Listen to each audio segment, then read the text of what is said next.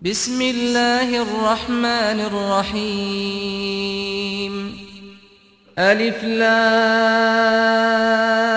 را.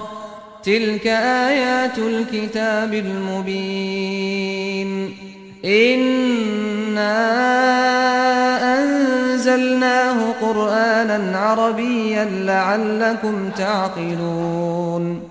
نحن نقص عليك أحسن القصص بما أوحينا إليك هذا القرآن وإن كنت وإن كنت من قبله لمن الغافلين 奉至仁至此的安拉之名，Alif、良、Lai，这些是明确的天经的结文。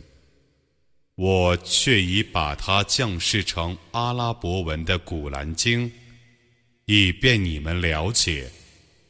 我借着启示你这部古兰经，而告诉你最美的故事。在这以前，你却是疏忽的。إذ قال يوسف لأبيه يا أبت إني رأيت أحد عشر كوكبا إني رأيت أحد عشر كوكبا والشمس والقمر رأيتهم لي ساجدين. قال يا بني لا تقصص رؤياك على إخوتك فيكيدوا لك كيداً. إن الشيطان للإنسان عدو مبين. وكذلك يجتبيك ربك ويعلمك من تأويل الأحاديث ويتم نعمته عليك وعلى آل يعقوب كما أتمها كما أتمها على قبل إبراهيم وإسحاق إن ربك عليم حكيم 当时，尤素夫对他的父亲说：“我的父亲啊，我却已梦见十一颗星和太阳、月亮。”我梦见他们向我叩头，他说：“我的孩子啊， 你不要把你的梦告诉你的哥哥们，以免他们谋害你。恶魔却是人类公开的仇敌。你的主这样拣选你，他教你圆梦，他要完成对你。”和对叶尔孤白的后裔的恩典，犹如他以前曾完成对你的祖先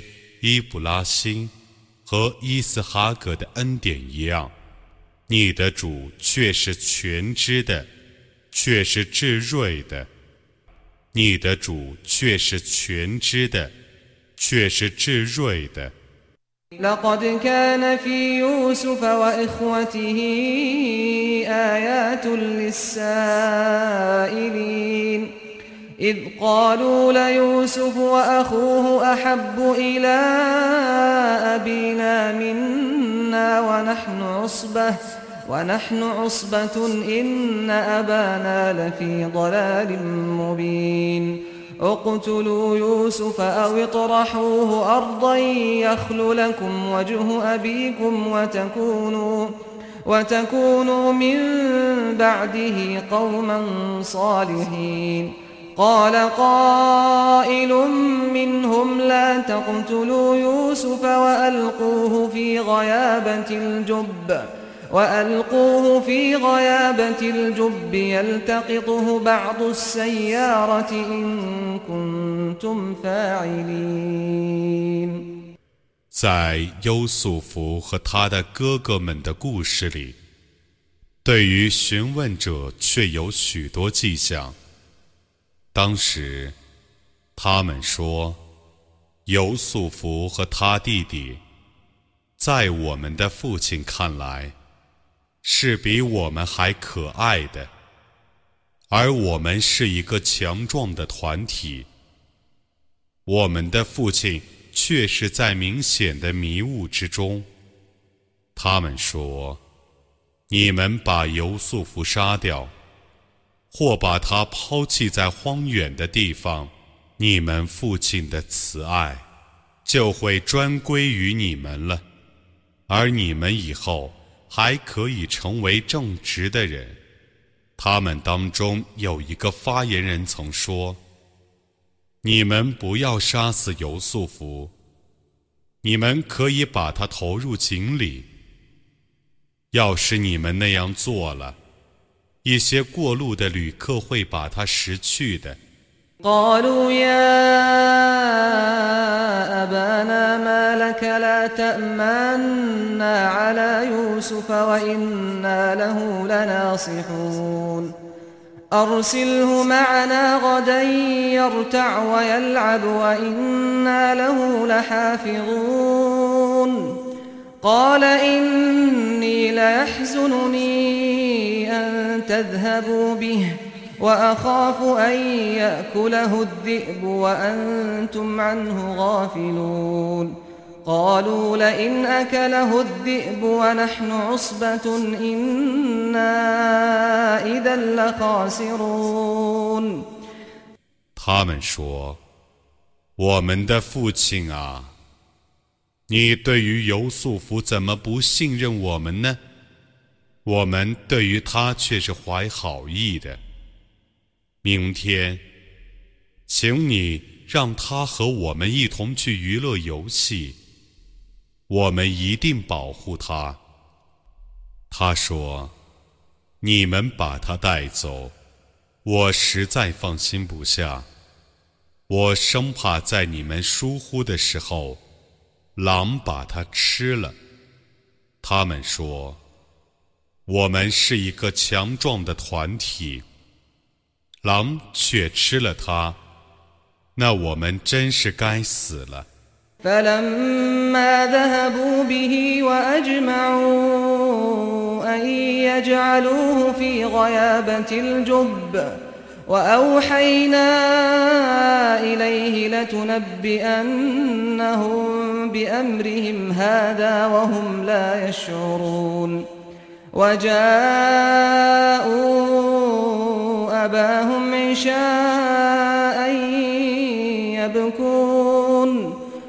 当他们把他带走，并且一致决定把他投入井底的时候， 我启示他说：“将来你必定要把他们的这件事儿，在他们不知不觉的时候告诉他们。”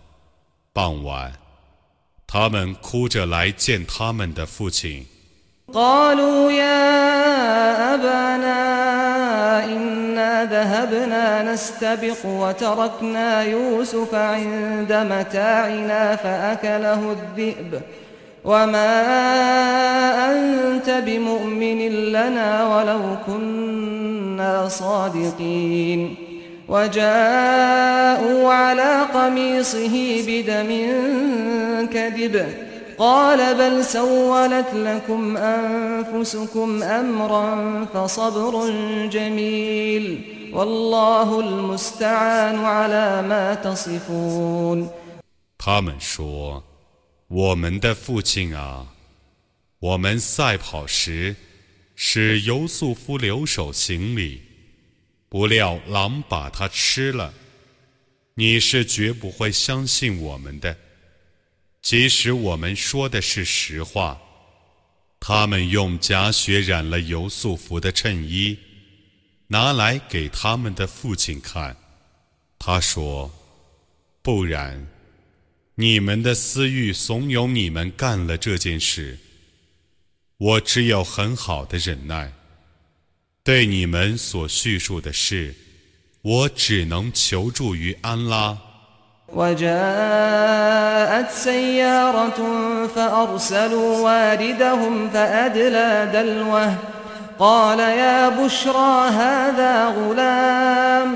وجاءت سيارة فأرسلوا واردهم فأدلى دلوه قال يا بشرى هذا غلام وأسروه بضاعة والله عليم بما يعملون وشروه بثمن بخس دراهم معدودة وكانوا فيه من الزاهدين 旅客们来了，他们派人去汲水，他把水桶坠下井去。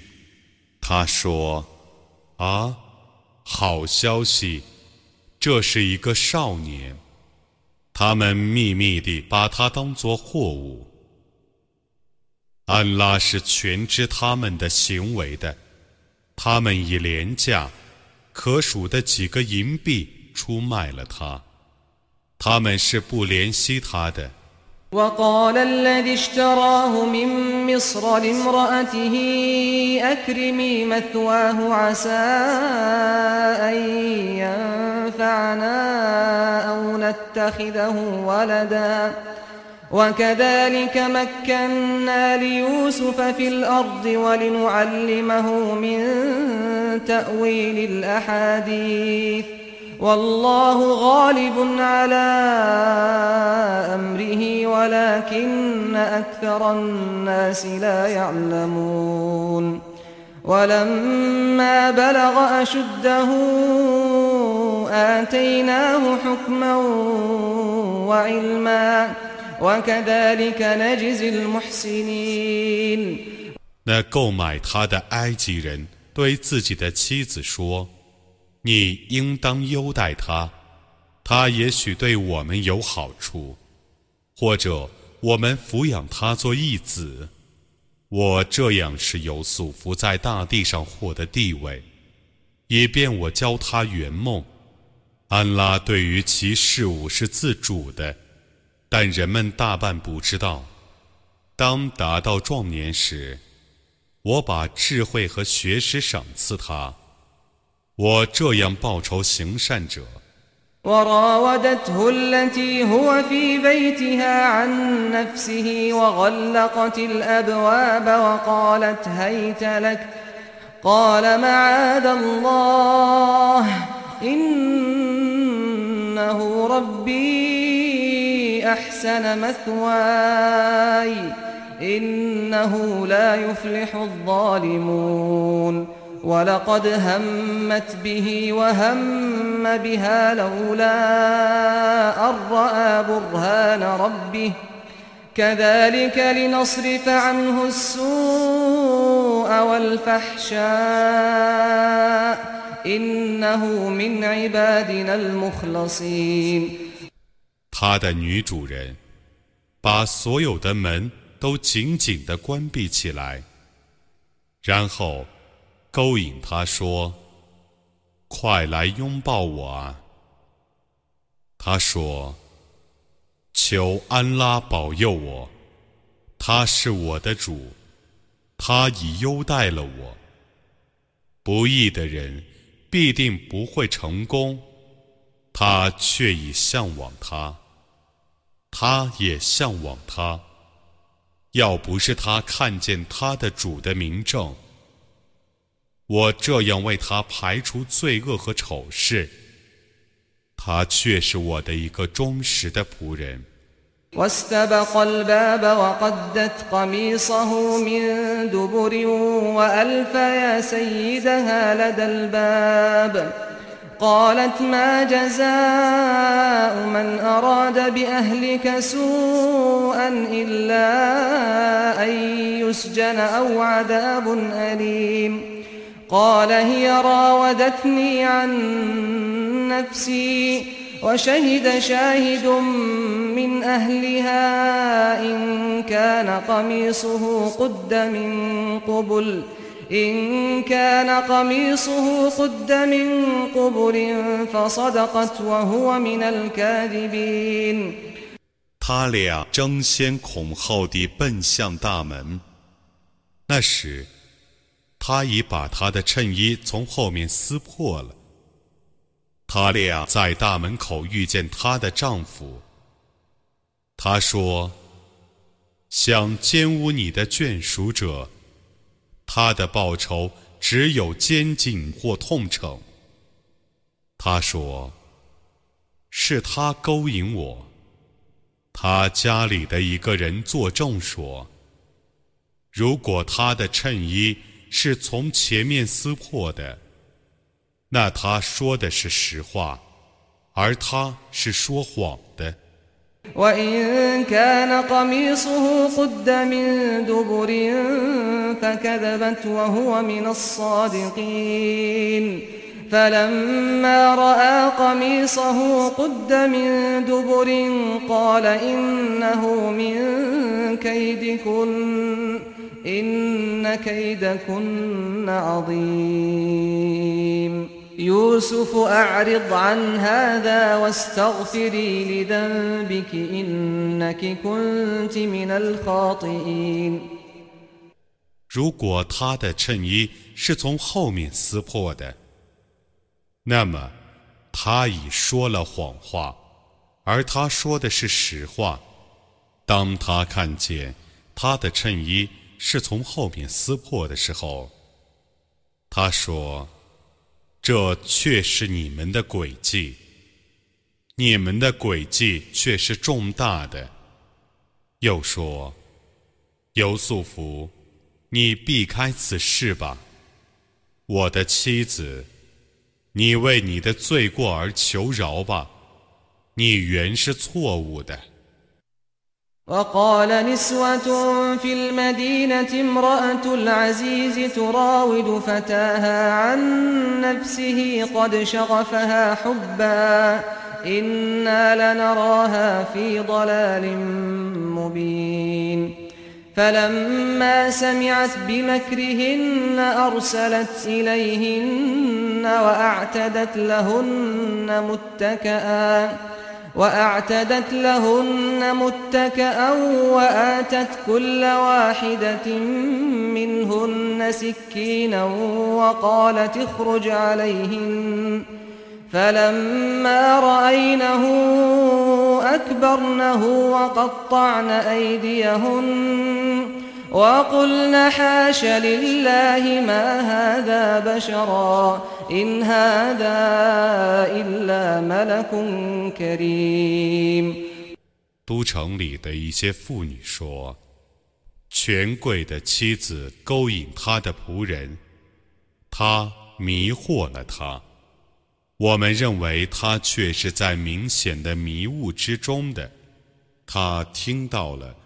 他们狡猾的流言蜚语，就派人去把他们邀请来，并为他们预备了一桌席，发给他们每人一把小刀。他对优素福说：“你出去见见他们吧。”当他们看见他的时候，他们赞扬了他，他们都被迷住了。以致餐刀割伤了自己的手，他们说：“哎呀，这不是一个凡夫，而是一位高洁的天神。”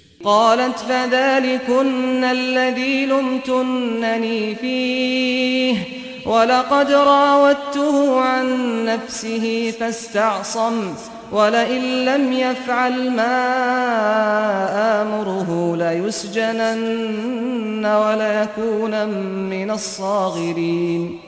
قال رب السجن أحب إلي مما يدعونني إليه وإلا تصرف عني كيدهن أصب إليهن وأكن من الجاهلين.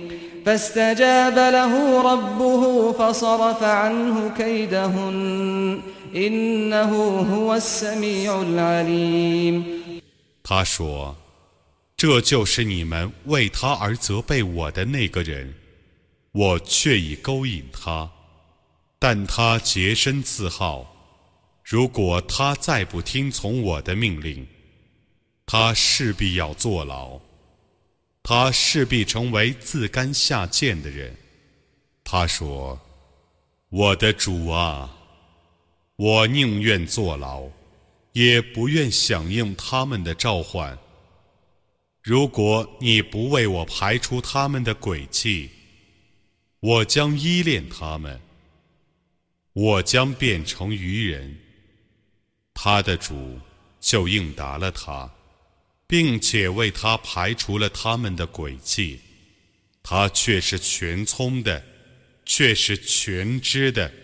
ثم بدا لهم من بعد ما رأوا الآيات ليسجننه حتى حين 他们看见了许多迹象之后，觉得必须把他监禁一个时期。 ودخل معه السجن فتيان قال أحدهما إني أراني أعصر خمرا وقال الآخر إني أراني أحمل فوق رأسي خبزا تأكل الطير منه نبئنا بتأويله إنا نراك من المحسنين قال لا ياتيكما طعام ترزقانه الا نباتكما بتاويله قبل ان ياتيكما ذلكما مما علمني ربي اني تركت مله قوم لا يؤمنون بالله وهم بالاخره هم كافرون 有两个青年 和他一同入狱。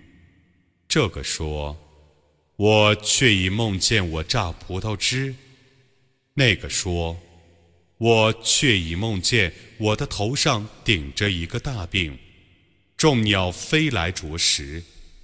请你替我们圆梦，我们的确认为你是行善的。”他说。无论谁送什么食物给你们俩之前，我能告诉你们送的是什么。这是我的主教给我的。有一个民族不信仰安拉，不信仰后世，我却已抛弃他们的宗教。 واتبعت ملة آبائي إبراهيم وإسحاق ويعقوب ما كان لنا أن نشرك بالله من شيء. ذلك من فضل الله علينا وعلى الناس ولكن أكثر الناس لا يشكرون. يا صاحبي السجن أأرباب متفرقون خير أم الله الواحد القهار؟ 我遵循我的祖先伊布拉辛、伊斯哈格、叶尔孤白的宗教。我们不该以任何物配安拉，这是安拉施予我们和世人的恩惠，但世人大半不感谢。两位难友啊，是许多涣散的主宰更好呢，还是独一万能的安拉更好呢？ما تعبدون من دونه إلا أسماء سميتموها سميتموها أنتم وآباؤكم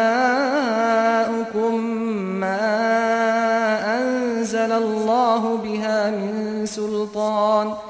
إن الحكم إلا لله أمر ألا تعبدوا إلا إياه ذلك الدين القيم ولكن أكثر الناس لا يعلمون 你们舍安拉而崇拜的，只是你们和你们的祖先所定的一些偶像名称，安拉并未加以证实。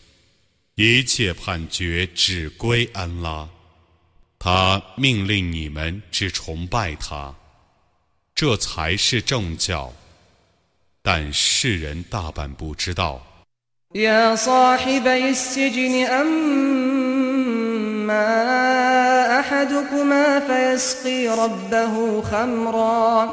يا صاحبي السجن أما أحدكما فيسقي ربه خمرا وأما الآخر فيصلب فتأكل الطير من رأسه قضي الأمر الذي فيه تستفتيان وقال للذي ظن أنه ناج منه اذكرني عند ربك فأنساه الشيطان ذكر ربه فلبث في السجن بضع سنين 同监狱的两位朋友啊， 你们俩中有一个要替他的主人斟酒，有一个要被钉死在十字架上，而众鸟飞到他的头上来牵他。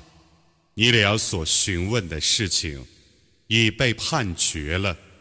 他对他俩中预料会被释放的人说：“请你在你的主人面前替我伸冤。”但恶魔使他忘记在他的主人面前替尤素夫伸冤，以致他在监狱坐了几年。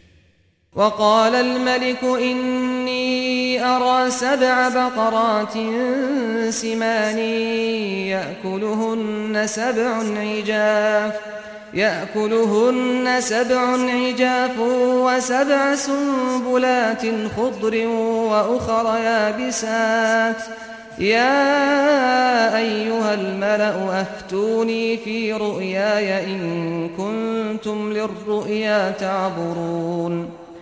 قالوا أضغاث أحلام وما نحن بتأويل الأحلام بعالمين. وقال الذي نجا منهما وادكر بعد أمة أنا أنبئكم بتأويله فأرسلون 国王说：“我却已梦见七头胖黄牛。”被七头瘦黄牛吃掉了，又梦见七岁青麦子和七岁干麦子。 侍从们啊，你们替我圆圆这个梦。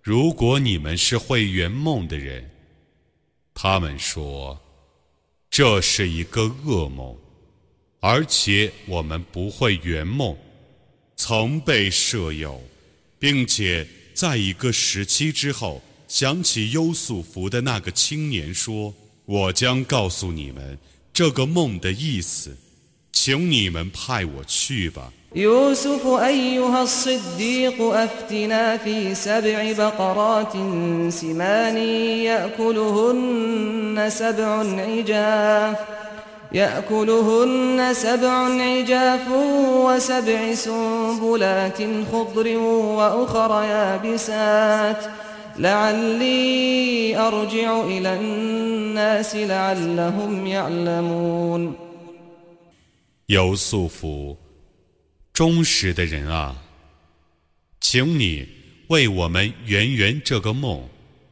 七头胖黄牛。被七头瘦黄牛吃掉了，又有七岁青麦子和七岁干麦子，我好回去告诉人们，让他们知道这个梦的意义。قال تزرعون سبع سنين دأبا فما حصدتم فذروه في سنبله إلا قليلا إلا قليلا مما تأكلون. ثم يأتي من بعد ذلك سبع شداد يأكل ما قدمتم لهن إلا قليلاً. إلا قليلا مما تحصنون ثم يأتي من بعد ذلك عام فيه يغاث الناس وفيه يعصرون 他说：“你们要连种七年，凡你们所收获的麦子， 都让它存在穗子上，只把你们所吃的少量的麦子打下来。此后，将有七个荒年。”来把你们所预备的麦子吃光了，只剩得你们所储藏的少量麦子。此后，将有一个丰年，人们在那一年中要得雨水，要榨葡萄酿酒。 فلما جاءه الرسول قال ارجع إلى ربك فاسأله ما بال النسوة اللاتي قطعن أيديهن إن ربي بكيدهن عليم قال ما خطبكن إذ راوتن يوسف عن نفسه قلن حاش لله ما علمنا عليه من سوء. قالت امرأة العزيز الآن حصحص الحق. أنا راودته عن نفسه وإنه لمن الصادقين. ذلك ليعلم أني لم أخنه بالغيب وأن الله لا يهدي كيد الخائنين. 国王说：“你们带他来见我吧。”当使者到来的时候，他说：“请你回去问问你的主人。”曾经把自己的手割伤了的那些妇女，现在是怎样的？我的主是全知他们的诡计的。国王说：“你们勾引尤素夫的时候，你们的实情是什么？”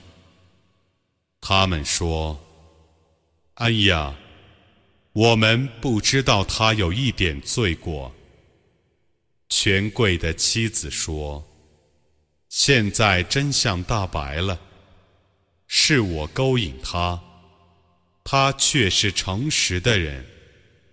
这是因为要他知道，在背地里我并没有不忠于他的行为并且要他知道安拉不诱导不忠者的诡计。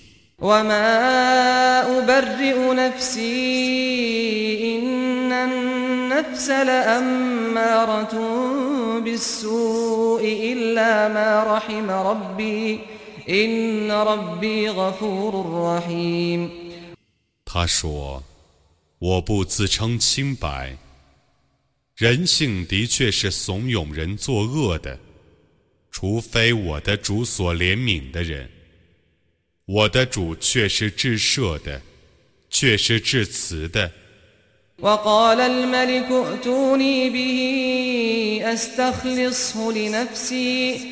فلما كلمه قال إنك اليوم لدينا مكين أمين. قال اجعلني على خزائن الأرض إني حفيظ عليم. وكذلك مكنا ليوسف في الأرض يتبوأ منها حيث يشاء. نصيب برحمتنا من نشاء ولا نضيع أجر المحسنين ولأجر الآخرة خير للذين آمنوا وكانوا يتقون 国王说你们带他来见我吧，我要使他为我自己所专有。他对国王说话的时候，国王说：“ 今天你在我的御前却是有高品级的，是可以信任的人。”他说：“请你任命我管理全国的仓库，我却是一个内行的保管者。”我这样是由素夫在国内获得权利，在他所要的地方占优势。我把我的慈恩降给我所抑郁者，我不会让行善者徒劳无酬。后世的报酬，对于信教而且敬畏的人，将是更好的。وجاء إخوة يوسف فدخلوا عليه فعرفهم وهم له منكرون ولما جهزهم بجهازهم قال ائتوني بأخ لكم من أبيكم ألا ترون أني أوفي الكيل وأنا خير المنزلين؟ فإن لم تأتوني به فلا كيل لكم عندي ولا تقربون. قالوا سنراود عنه أباه وإنا لفاعلون 由素夫的哥哥们来了，他们进去见他，他认出了他们，而他们却没有认出他。当他以他们所需的粮食供给他们之后，他说：“ 你们把你们同父的弟弟带来见我吧。难道你们不见我把足量的粮食给你们，而且我是最好的东道主吗？如果你们不带他来见我，你们就不能从我这里购买一颗粮食。”你们也不得临近我。他们说：“我们要恳求他父亲允许我们带他来见你。我们必定这样做。”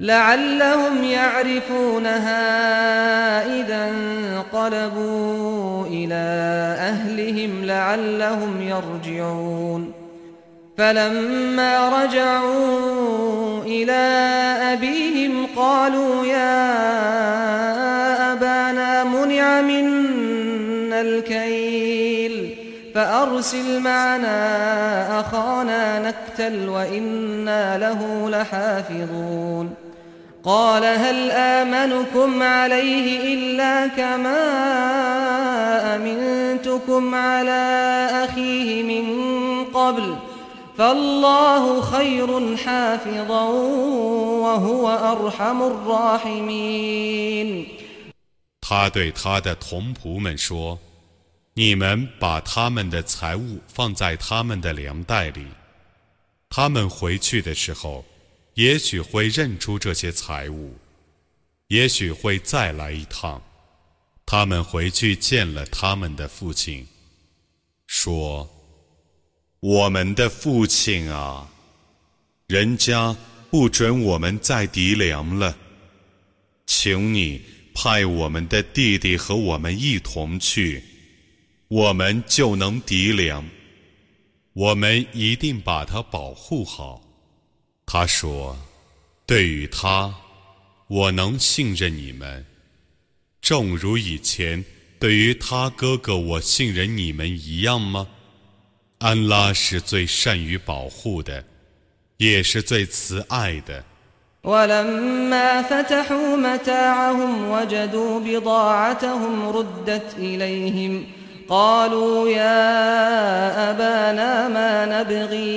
هذه بضاعتنا ردت إلينا ونمير أهلنا ونحفظ أخانا ونزداد كيل بعير ذلك كيل يسير.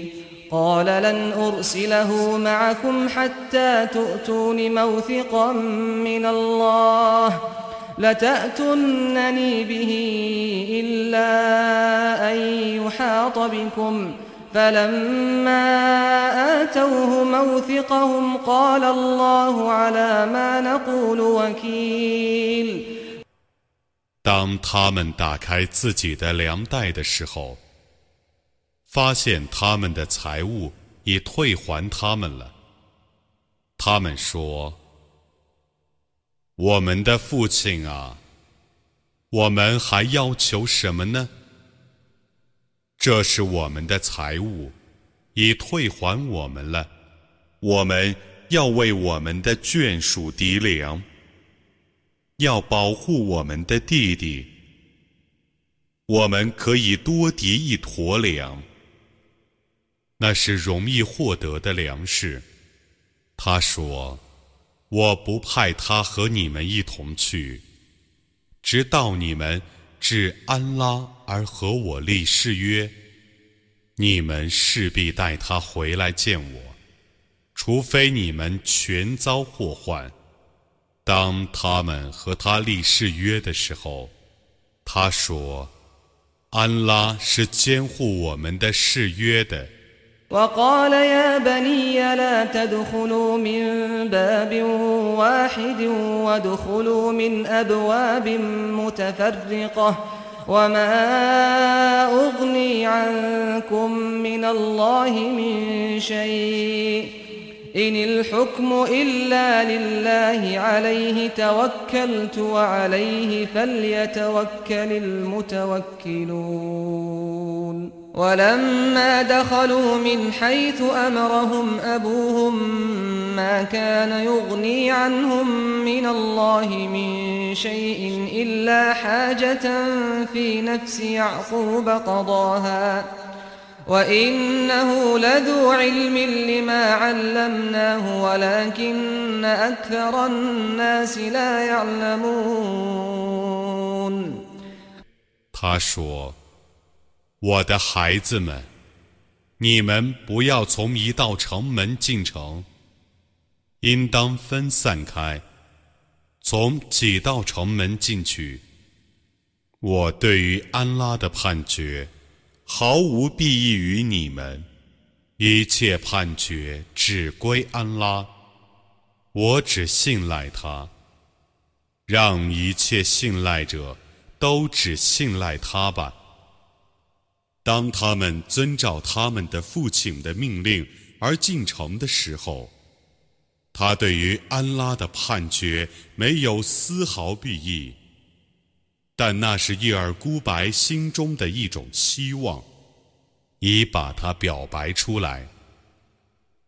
他曾受我的教诲，所以他却是有知识的人。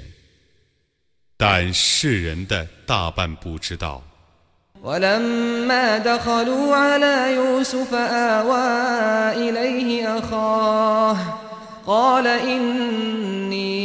أنا أخوك فلا تبتئس بما كانوا يعملون. فلما جهزهم بجهازهم جعل السقاية في رحل أخيه جعل السقاية في رحل أخيه ثم أذن مؤذن أيتها العير إنكم لسارقون.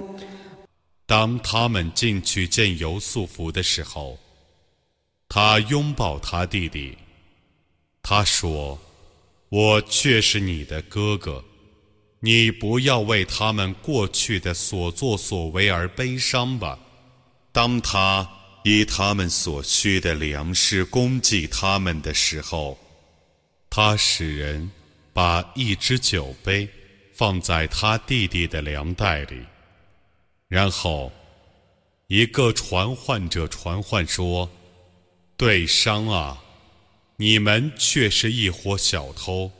قالوا وأقبلوا عليهم ماذا تفقدون قالوا نفقد صواع الملك ولمن جاء به حمل بعير وأنا به زعيم قالوا تالله لقد علمتم ما جئنا لنفسد في الأرض وما كنا سارقين.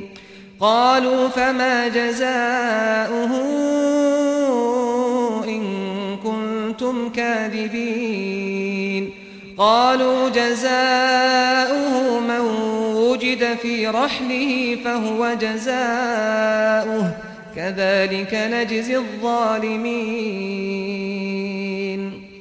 他们转回来说：“你们丢了什么？”他们说：“我们丢了国王的酒杯。谁拿酒杯来还，给谁一坨粮食。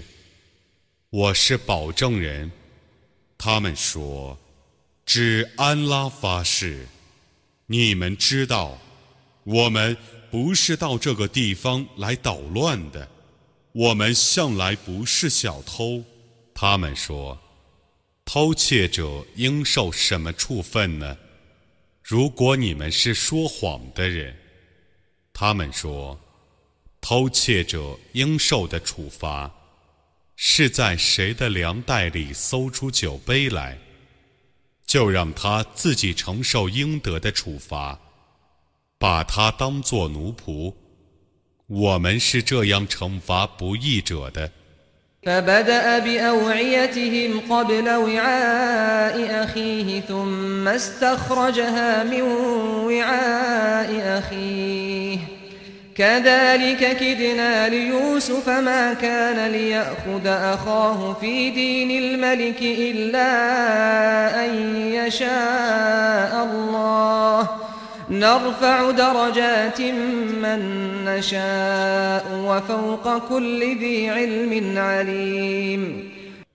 优素福在检查他弟弟的粮袋之前，先检查了他们的粮袋，随后在他弟弟的粮袋里查出了那只酒杯。我这样为优素福定计，按照国王的法律。他不得把他弟弟当作奴仆，但安拉抑郁他那样做。我把我所抑郁者提升若干级，每个有知识的人上面都有一个全知者。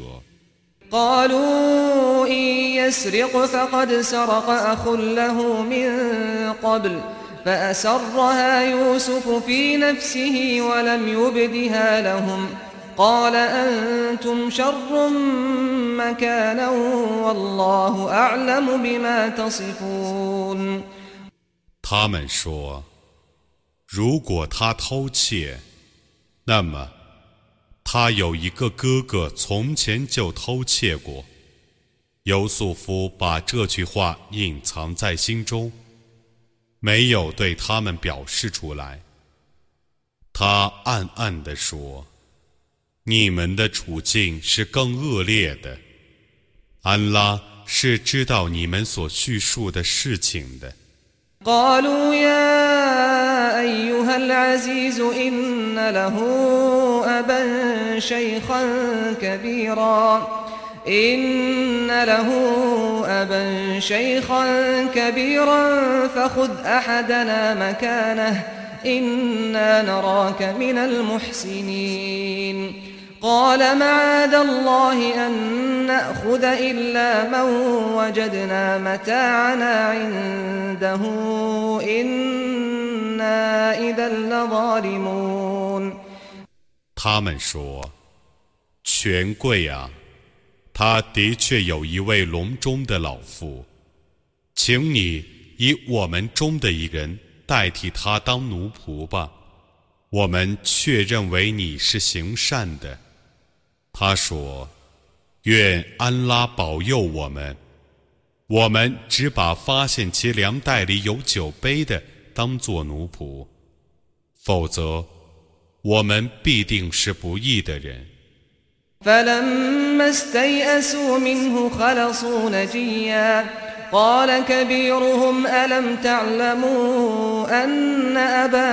قد أخذ عليكم موثقا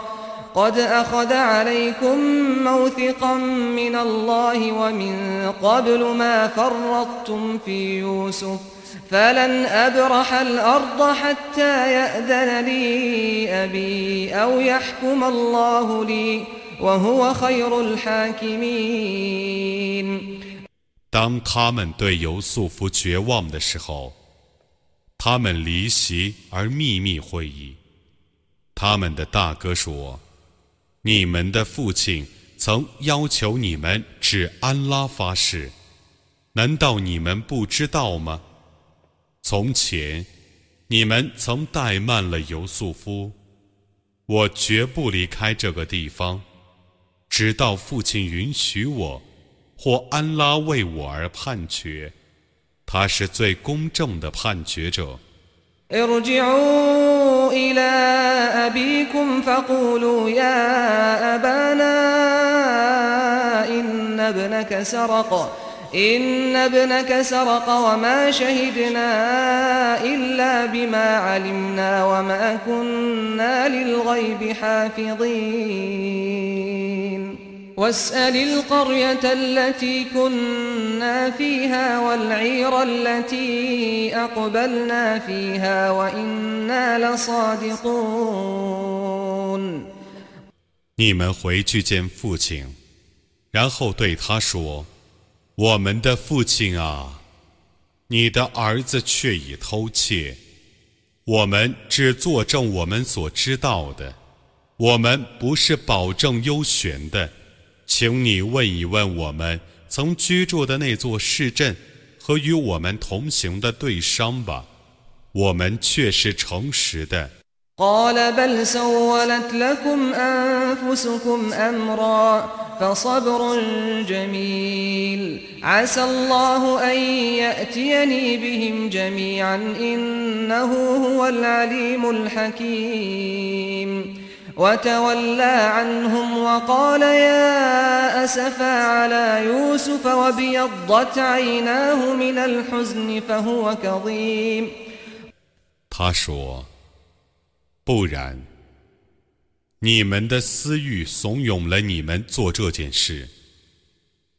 我只有很好的忍耐，但愿安拉把他们统统带来给我，他却是全知的。” 却是智睿的，他不理睬他们。他说：“哀哉，尤素夫！他因悲伤而两眼发白，他是压住性子的。”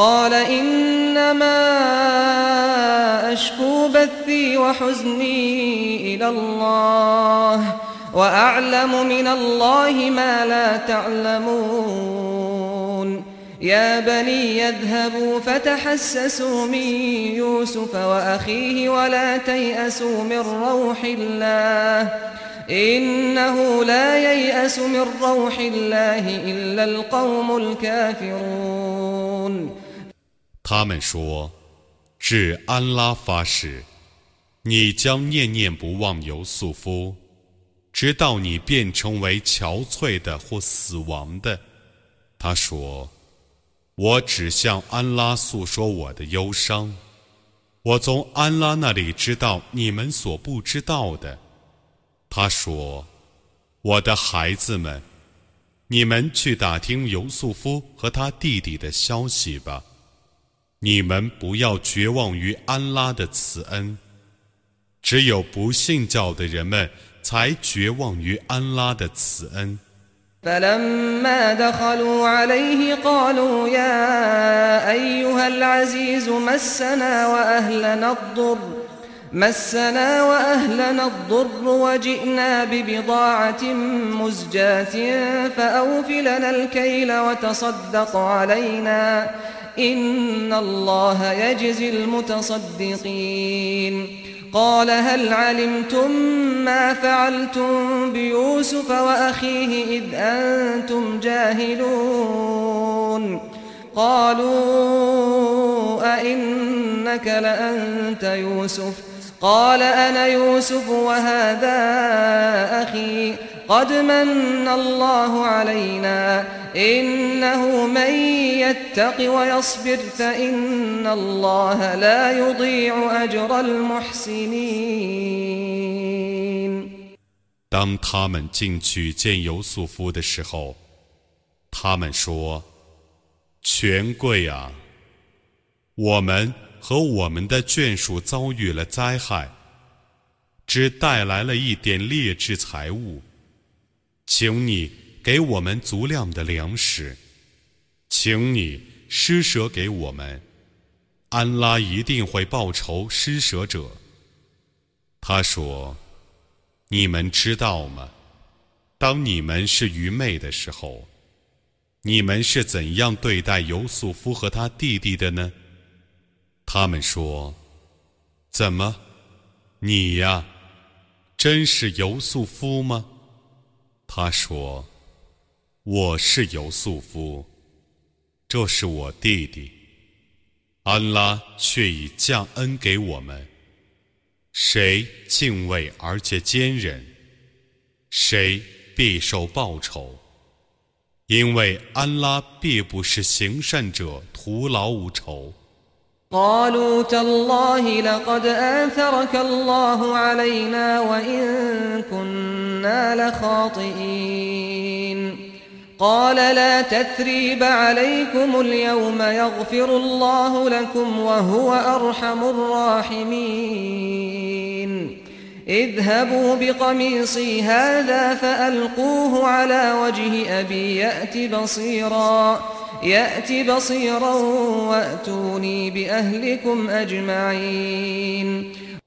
他们说：“指安拉发誓，安拉却已从我们当中拣选了你。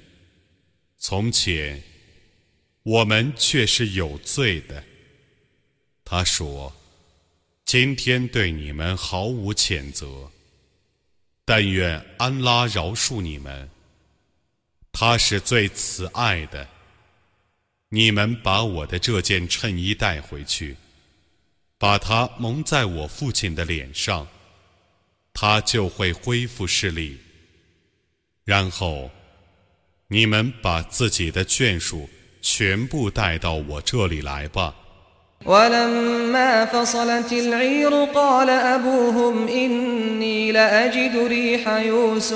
لولا أن تفندون.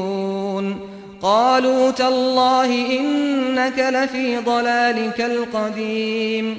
فلما أن جاء البشير ألقاه على وجهه فارتد بصيرا.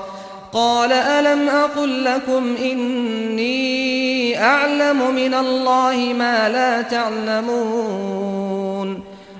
当队商出发的时候，他们的父亲说：“我却已闻到尤素夫的气味了。要不是你们说我是老糊涂，他们说，至安拉发誓，你的确还在你那旧有的迷雾之中。当报喜者来到后。”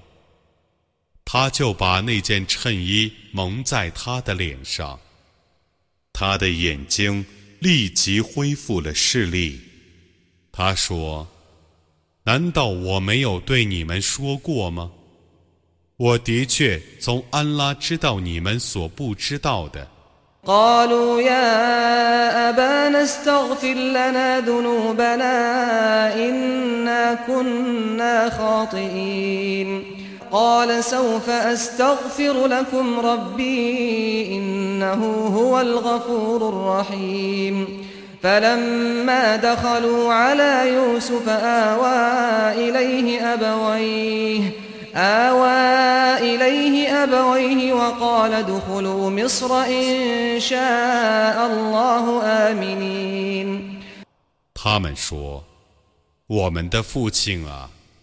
请你为我们求饶，我们却是有罪的。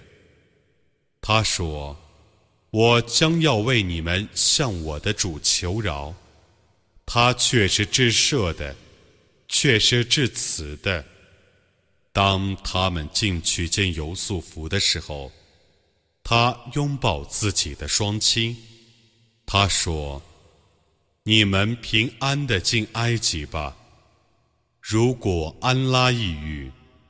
ورفع أبويه على العرش وخروا له سجدا وقال يا أبت هذا تأويل رؤياي من قبل قد جعلها ربي حقا وقد أحسن بي إذ أخرجني من السجن وجاء بكم من البدو من بعد أن نزغ الشيطان ۖ من بعد أن نزغ الشيطان بيني وبين إخوتي إن ربي لطيف لما يشاء إنه هو العليم الحكيم 他请他的双亲坐在高座上，他们为他而俯伏叩头。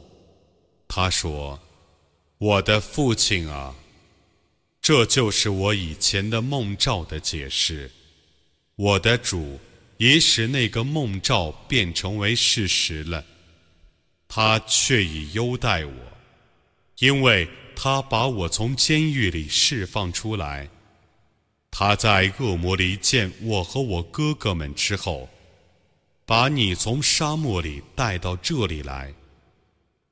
我的主对他所抑郁者是慈爱的，他却是全知的。却是智睿的。رب قد آتيتني من الملك وعلمتني من تأويل الأحاديث فاطر السماوات والأرض أنت وليي في الدنيا والآخرة توفني مسلما وألحقني بالصالحين 我的主啊！你却已赏赐我一部分政权，并教给我一些圆梦的知识。天地的创造者啊， 在今世和后世，你都是我的主宰。求你使我作为顺从者而死去，求你使我入于善人之列。ذلك من أنباء الغيب نوحيه إليك وما كنت لديهم إذ أجمعوا أمرهم وهم يمكرون وما أكثر الناس ولو حرصت بمؤمنين وما تسألهم عليه من أجر إن هو إلا ذكر للعالمين 这是一部分优选的消息，我把它启示给你。当他们用计谋决策的时候，你不在他们面前。 你虽然切望世人信教，但他们大半是不信教的。你不为传授古兰经而向他们要求任何的报酬。古兰经。只是对世人的教诲。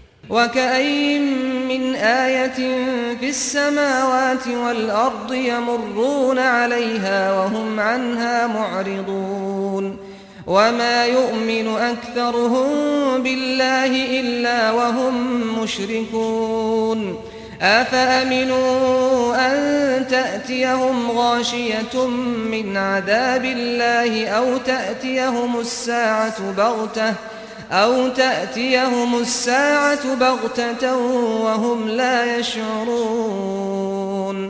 天地间有许多迹象， 他们从旁边走过而不注意。他们虽然大半信仰安拉，但他们都是以物配主的。难道他们不怕安拉惩罚中的大灾降临他们？或末日在他们不知不觉之中突然降临他们吗？قل هذه سبيلي أدعو إلى الله على بصيرة أنا ومن اتبعني وسبحان الله وما أنا من المشركين 你说，这是我的道路，我号召人们信仰安拉。我和随从我的人都是依据明证的。我正安拉，超绝万物。 我不是以物配主的人。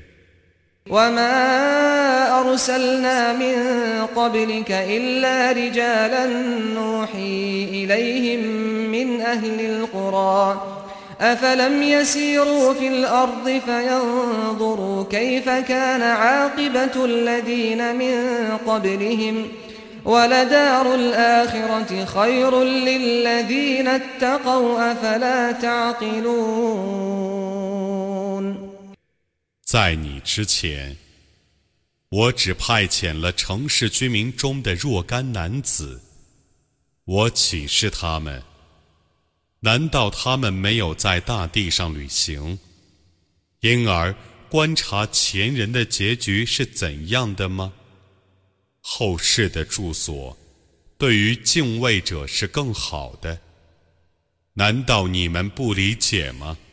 حتى إذا استيأس الرسل وظنوا أنهم قد كذبوا جاءهم نصرنا جاءهم نصرنا فنجي من نشاء ولا يرد بأسنا عن القوم المجرمين 直到众使者绝望， 而且猜想自己被欺骗的时候，我的援助才来临他们，而我拯救了我所抑郁的人。